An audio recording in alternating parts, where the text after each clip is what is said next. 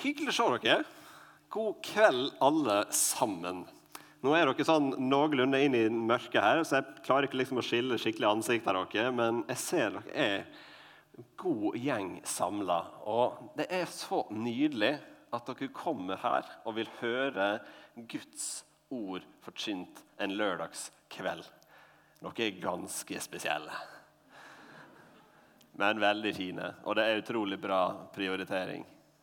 Og I kveld så har jeg lyst til å gi dere en snarvei til rikdom.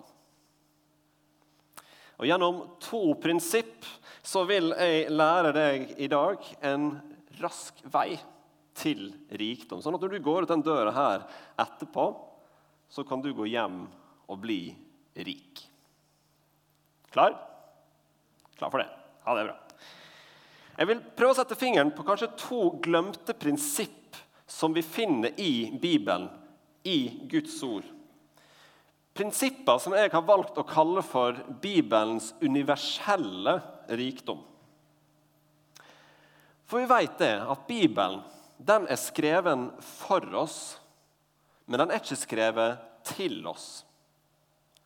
De opprinnelige leserne av Bibelen, altså de som fikk brevene fra Paulus, eller de som hørte profetiene til profetene i Gamle testamentet, de levde i en helt annen tid, en helt annen tidsepoke i verdenshistorien.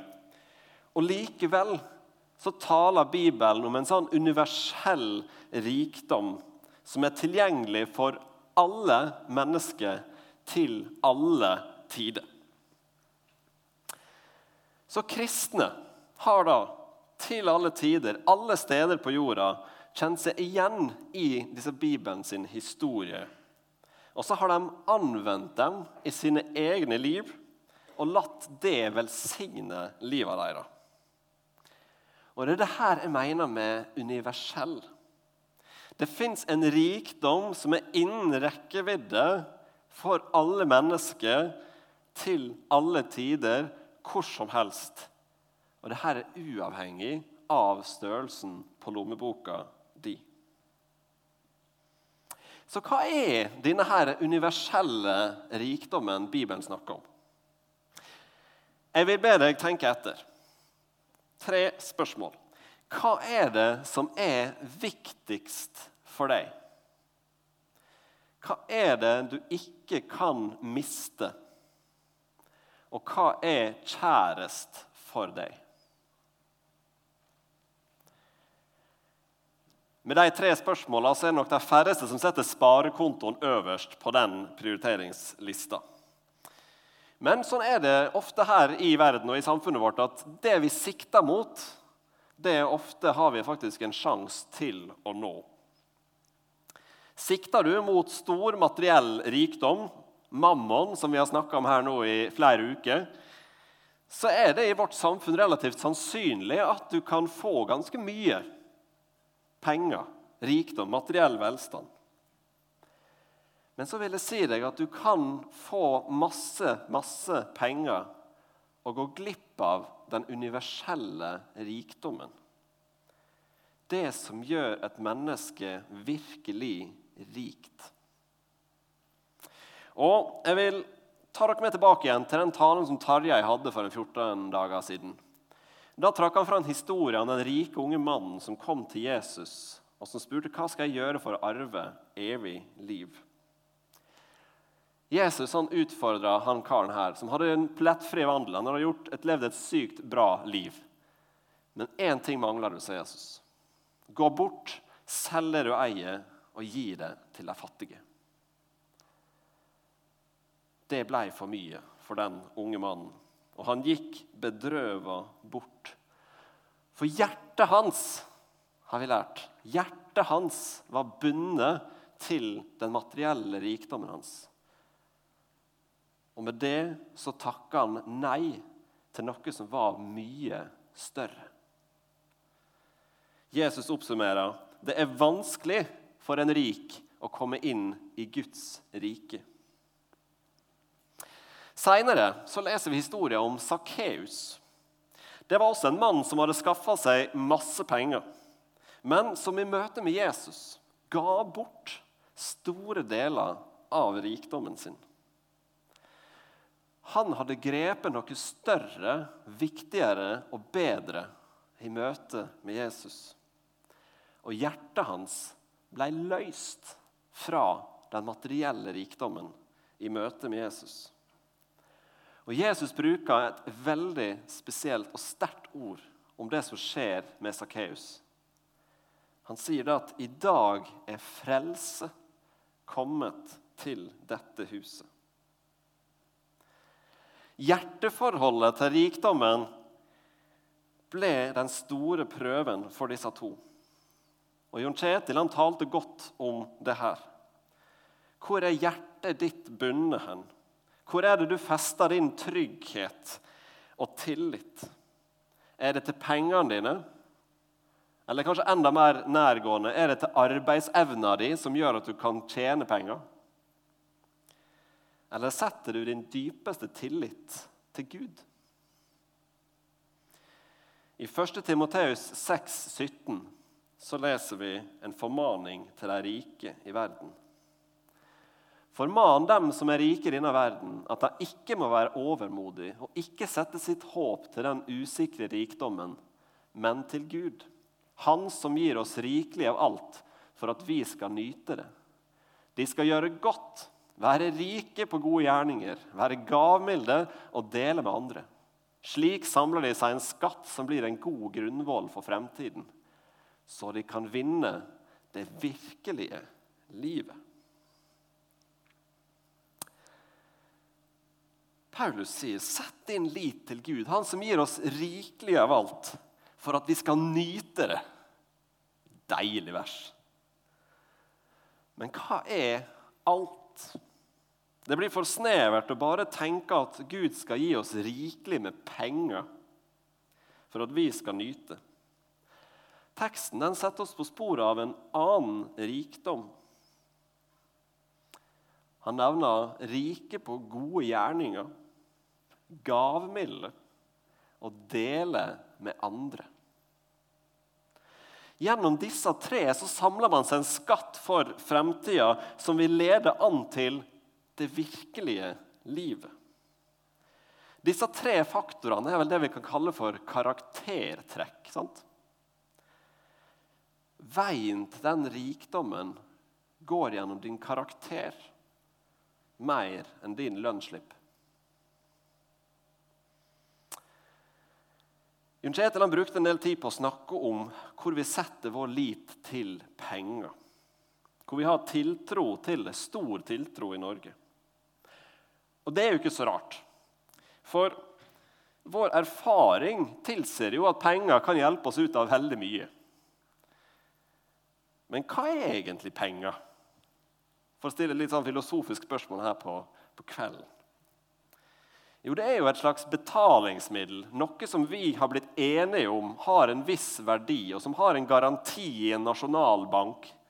Som gjør at har jeg en 200-lapp, så kan jeg i hvert fall gå i Norges Bank og få satt den inn på konto eller en eller annen plass. Penger, det er samarbeid. Det er tillit til et system. Et system som skal være solid nok til å takle hverdagens handel og for å få samfunnet til å surre og gå. Det er jo helt genialt. Men penger, innser vi jo når vi tenker litt over det, handler jo først og fremst om en relasjon. Det er relasjoner oss imellom. Og relasjon er et stikkord i det videre. Og vi skal gå og lese litt en lignelse som Jesus forteller fra Lukas 12 og vers 13. En i mengden sa til ham, Jesus, 'Mester, si til min bror at han skal skifte arven med meg.' Men Jesus svarte, 'Hvem, hvem har satt meg til å dømme eller skifte mellom dere?' Og han sa til dem, 'Ta dere i vare for all slags grådighet.' For det er ikke det en eier som gir liv, selv om en har overflod. Så fortalte han dem en lignelse. Det var en rik mann som hadde fått god avling av jorden. Og Han tenkte med seg selv, 'Hva skal jeg gjøre? Jeg har ikke plass til avlingen min.' Jo, dette vil jeg gjøre. Jeg river ned låvene og bygger dem større. Og der samler jeg korn og alt det jeg ellers eier. Så skal jeg si til meg sjøl nå har jeg mye godt liggende, nok for mange år. Slå deg til ro, min sjel, spis, drikk og vær glad. Men Gud sa til ham, uforstandig menneske, i natt kreves din sjel tilbake. Hvem skal så ha det som du har samla? Slik går det med de som samler seg skatter til seg sjøl, og ikke er rik i Gud.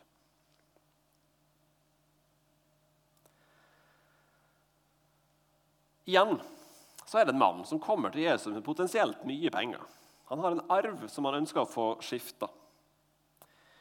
Men Jesus han gjennomskuer grådigheten hans rett fram. Og så sier han at det er ikke det du eier, som gir liv. Det er ikke det du eier, som gir liv. Paulus skrev noe om karaktertrekk som førte til det virkelige livet. Det er ikke det du eier, som gjør deg rik. For stor materiell rikdom det er jo først og fremst et stort forvalteransvar. En krevende forvalterjobb. Og Mannen i lignelsen han gjør jo egentlig det som de fleste lærer på Handelshøyskolen. Altså, gjør du det bra, så må du utvide. Få mer folk med, bygge arbeidsplasser, bygge samfunn. Men denne mannen her, han gjør ei generaltabbe. Han vil bare samle seg stor rikdom for rikdommens skyld. Hans hjerte og hans tillit og trygghet binder seg til rikdommen. Og hans liv går tapt samtidig. Både i overført betydning og bokstavelig talt.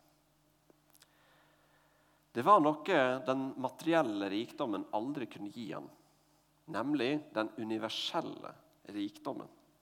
Det som her litt mystisk kalles for å være rik i Gud. Og Så fortsetter Jesus å tale om Guds omsorg for oss. Vi leser fra vers 29. Tenk ikke på hvordan dere skal få noe å spise og drikke, og vær ikke engstelige. Alt dette er jo hedningene i verden opptatt av. Men dere har en far som vet at dere trenger alt dette. Søk i stedet Hans rike, så skal dere få dette i tillegg. Vær ikke redd, du lille flokk, for det er dere fars gode vilje å gi dere rike. Selg det dere eier, og gi gave til de fattige. Skaff deres pengepunger som ikke slites ut, en uforgjengelig skatt i himmelen, der tyver ikke kommer til, og møll ikke ødelegger. For hvor skatten dere er, der vil også hjertet dere være. Spenn beltet om livet og holdt lampene tent. Vær lik tjenere som venter sin herre hjem fra bryllupsfest. Og så fortsetter Jesus. Søk i stedet Hans rike. Gud har et rike et rike med noen gudsrike prinsipp som Tarjei talte om. At vi er velsigna for å velsigne. Raushet avler raushet. Mål opp med det mål som du selv ønsker å bli målt opp til. Men Guds rike er mye mer enn bare prinsipper for et godt liv. Guds rike det er ei gave til deg.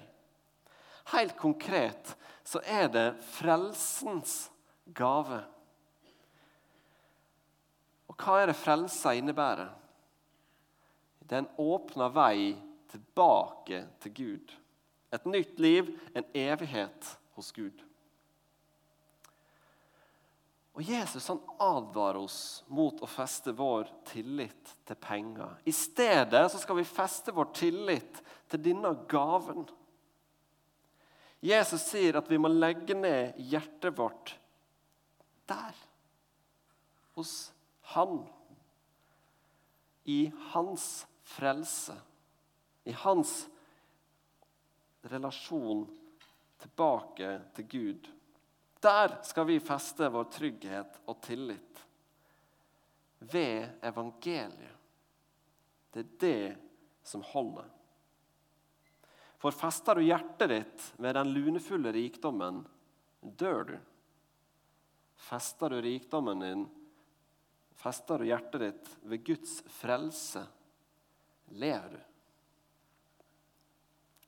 Og Vi nærmer oss jo nå da kjernen på den universelle rikdommen. Og Dette er det første prinsippet jeg har lyst til å lære dere i kveld. For Jeg spurte deg i begynnelsen hva var det som var viktig for deg. Hva er det som du ikke kan miste? Den største gava, den største rikdom vi noen gang har fått, er paradoksalt nok den gaven vi aldri har kunnet gjort noe for å få. Den rikdom vi aldri har kunnet gjort noe for å få. Livet. Kan du slå opp øya om morgenen? Kan du kjenne etter at ja, det er pust i dag òg? Så er du rik. Du eier livet. Og Dette her, det er det første prinsippet. Livet er den største rikdom, for livet er evig. Et menneskeliv er evig, dere. Og det livet du har fått, det er det mest kostbare du eier.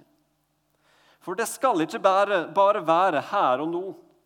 Men basert på hvem du følger i dette livet, så får det konsekvenser for det evige livet. Hvem du nå følger, har betydning. Det betyr jo at det evige livet det begynner her og nå. Denne universelle, evige, største rikdommen kan du allerede ha her og nå. Ikke i fullkommen form, men som en forsmak. Og som bibelskolerektor så er jeg jo glad i brownies. Og jeg tenker litt på at Et bilde som folk må kjennes igjen i, i forhold til det her, det er en forsmak av å slikke en brownies-slikkepott. Den er god. Veldig, veldig god. Men du vet at nedi bollen der, der er det enda mye mer. Og der er de virkelig gode sakene. Du kan eie noe, en forsmak i dette livet, på den evige rikdom du skal få eie i himmelen.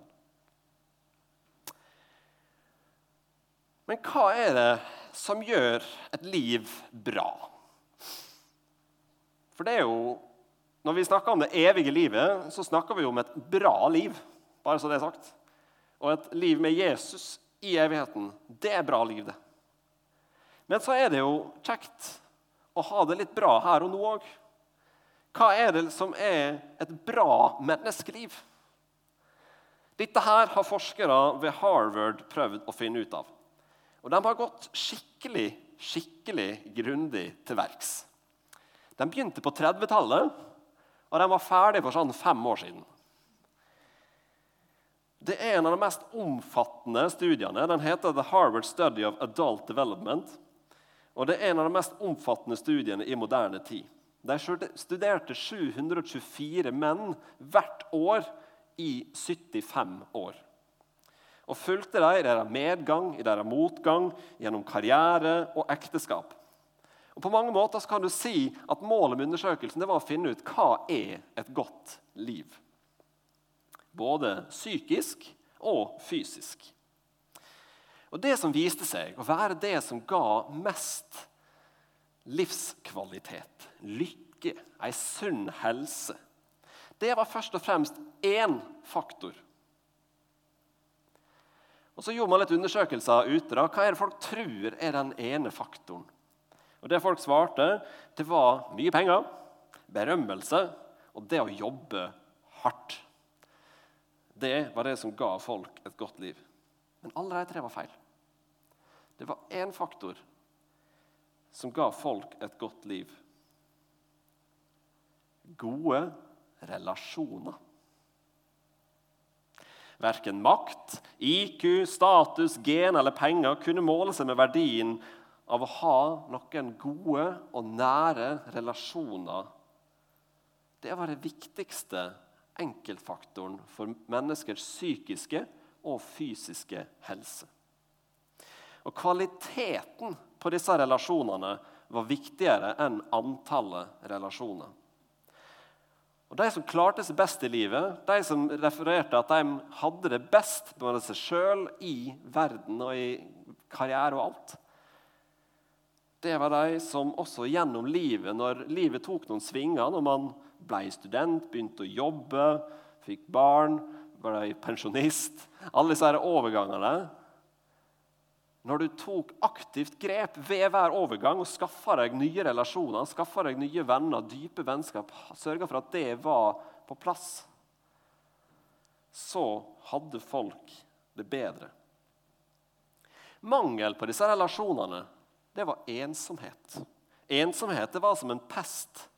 Og Når du følger folk gjennom 75 år, så kunne man se at de som var ensomme, døde tidligere enn de som ikke var det. Og Vi merka jo det her når vi hadde koronapandemien. Var det én ting som politikerne virkelig kjente på presset for når det gjaldt å åpne opp igjen samfunnet, så var det at folk begynte å bli ensomme. Og når folk begynner å bli ensomme, da går det på folkehelsa løs. Og Vi kan jo få et litt sånn ambivalent til sånne forskningsresultat. For jeg har jo lyst på en quick fix. Jeg har jo lyst til å tro på reklamen som sier at jeg kan gå og kjøpe med dette her, og så blir jeg lykkelig. Jeg blir så glad. Men så får jeg vite at det er relasjoner som er det som gjør meg lykkelig, glad, gi meg et godt liv. Og så må jeg gå inn i disse her messig slitsomme kaotiske relasjonene som er rundt meg, og som kan oppleves som en hel del jobb å klare å opprettholde en varm og god relasjon med sine venner, med sin familie, med sin ektefelle. Men så er det altså der, med å investere der, du kan få et godt liv målt etter psykiske og fysiske kriterier. Det er ikke en quick fix, men jeg liker undersøkelsen. For den drar fokuset vårt bort fra det der å jakte rikdom, penger og status. Disse skjøre og flyktige tinga som så lett leder oppmerksomheten vår bort. I stedet så blir vi dratt mot det universelt menneskelige. Noe alle mennesker er skapt for til alle tider relasjoner. Og Det er jo veldig flott da, at forskere ved et av verdens fremste universitet har funnet ut det her. Men de innrømmer det glatt. Det her er ikke noe nytt. Det her er eldgammel visdom. Men de har klart å bekrefte det etter moderne vitenskapelige kriterier. Og er det noen som virkelig kan snakke om relasjoner, og som vet hva relasjoner og hvordan få dem til å funke, er det noen som virkelig kan snakke om det, så er det Gud. For Gud han er tre i én, sier vi. Han er Faderen, Sønnen og Ånden. Relasjon i sitt innerste vesen. Tre personer. Han en perfekt relasjon i sin reneste form. Og Er det noe Harvard-undersøkelsen ikke får med, men som Bibelen kan gi oss, denne eldgamle visdommen, så er det at relasjonen til Gud, en åpen, varm og trygg og evig relasjon til Gud sjøl, det er essensielt for oss mennesker. Og den er gjort mulig ved Jesus og hans død og seier på korset. Da han åpna veien igjen tilbake til Gud slik at vi kunne få kontakt med den sanne rikdommen. Relasjon med relasjonenes kilde og forbilde. Og Er det da noe jeg kan være ekstremt frimodig på som en kristen i Norge, så er det jo nettopp det at vi mennesker vi er ikke skapt for individualismen. Vi er skapt for fellesskapet. Vi er ikke skapt for å dyrke oss sjøl. Vi er skapt for å legge ned oss sjøl for hverandre. Vi er ikke skapt for denne verden. Vi er skapt for en evighet hos Gud i relasjon til Han. Og Dette viser det andre prinsippet som jeg vil dele med dere. Dype relasjoner er den største rikdom. For deg er du skapt for. I Lukas 16 så leser vi om en litt spesiell historie. Det er en uærlig forvalter som jukser med lånepapirer til den oppdragsgiveren som han har. Han forvalter og låner ut penger fra oppdragsgiveren sin. Og Så merker han at nå holder jeg på å miste jobben. Jeg gjør en dårlig jobb. Så går han da til de som skylder oppdragsgiveren hans penger, og så sier han, 'Hvor mye var det du skyldte meg igjen?' 'Ja, du skyldte meg 80.' ja. Skriv 50. 'Å ja, du skyldte meg 100. Skriv 85.' Og han kutta ned på gjelda uten at de hadde betalt tilbake. Og En slik uærlig forvalter han burde jo fortjene skikkelig pryl. Det står jo ikke til noen etisk standard å holde på sånn. Men hva sier Jesus? Jo, denne mannen handla klokt. Han oppsummerer Jesus med å si Skaff dere venner ved hjelp av den uhederlige mammon, så de kan ta imot dere i de evige boliger når pengene tar slutt. Bruk pengene på å skaffe dere venner. Det er så digg at Jesus bare sier det. Ikke, ikke bruk masse tid på å bygge opp stor rikdom. En større låve med stor rikdom kan forsvinne kjapt. Bruk de ressursene du har din tid, dine krefter, dine tanker eller penger på å skaffe deg gode venner og en sterk relasjon til Gud.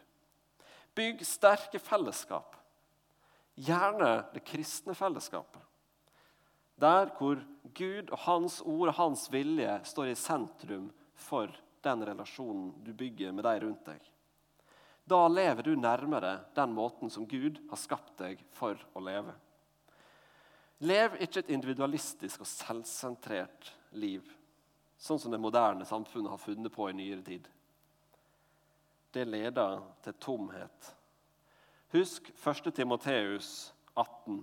De skal gjøre godt, være rike på gode gjerninger, være gavmilde og dele med andre. Slik samler de seg en skatt som blir en god grunnvoll for framtida, så de kan vinne det virkelige livet. Paulus oppfordrer oss til å bygge en karakter som søker å være god og rik på gode gjerninger, være gavmild og raus, som vil dele med andre. Og Den kristne forsamling skal være et uttrykk for denne relasjonenes rikdom. Jag etter denne rikdommen her i misjonssalen.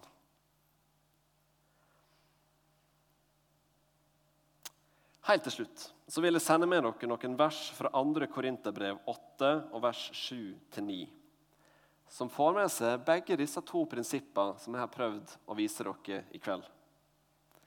Livets og relasjonenes rikdom. 2. kor 8-7. Dere har jo overflod av alt. Av tro og tale, av kunnskap og iver og av den kjærlighet dere har fra oss så må dere også med denne gava vise dere overflod. Jeg sier ikke dette som en befaling, men jeg nevner det de andres iver for å prøve om kjærligheten er ekte hos dere. Dere kjenner vår Herre Jesu Kristi nåde. Enda han var rik, ble han fattig for deres skyld, så dere skulle bli rike ved hans fattigdom overflod på tro, tale, kunnskap, iver og kjærlighet. Dette er relasjonenes prinsipp. Dette er rikdom. Og ved Jesu fattigdom Ved hans død og seier på korset så ble veien til Gud åpna, og en evighet hos Gud innen rekkevidde. Ved Jesu død finner vi vår rikdom. Dette her er livets prinsipp. Det er rikdom. De to prinsippene som jeg har vist dere her i dag, det er den universelle rikdommen. Det er den snarveien til rikdom som jeg lovte dere. Og Disse to prinsippene de bør sette ditt forhold og dine tanker om penger i sitt rette lys. Og hjelpe deg til å prioritere dine midler. Og med de to prinsippene, liv og relasjonene, så burde ikke det være så vanskelig. Sann rikdom det måles ikke av tykkelsen på lommeboka di. Søk heller den universelle og sunne rikdommen, og lev et godt liv. Amen.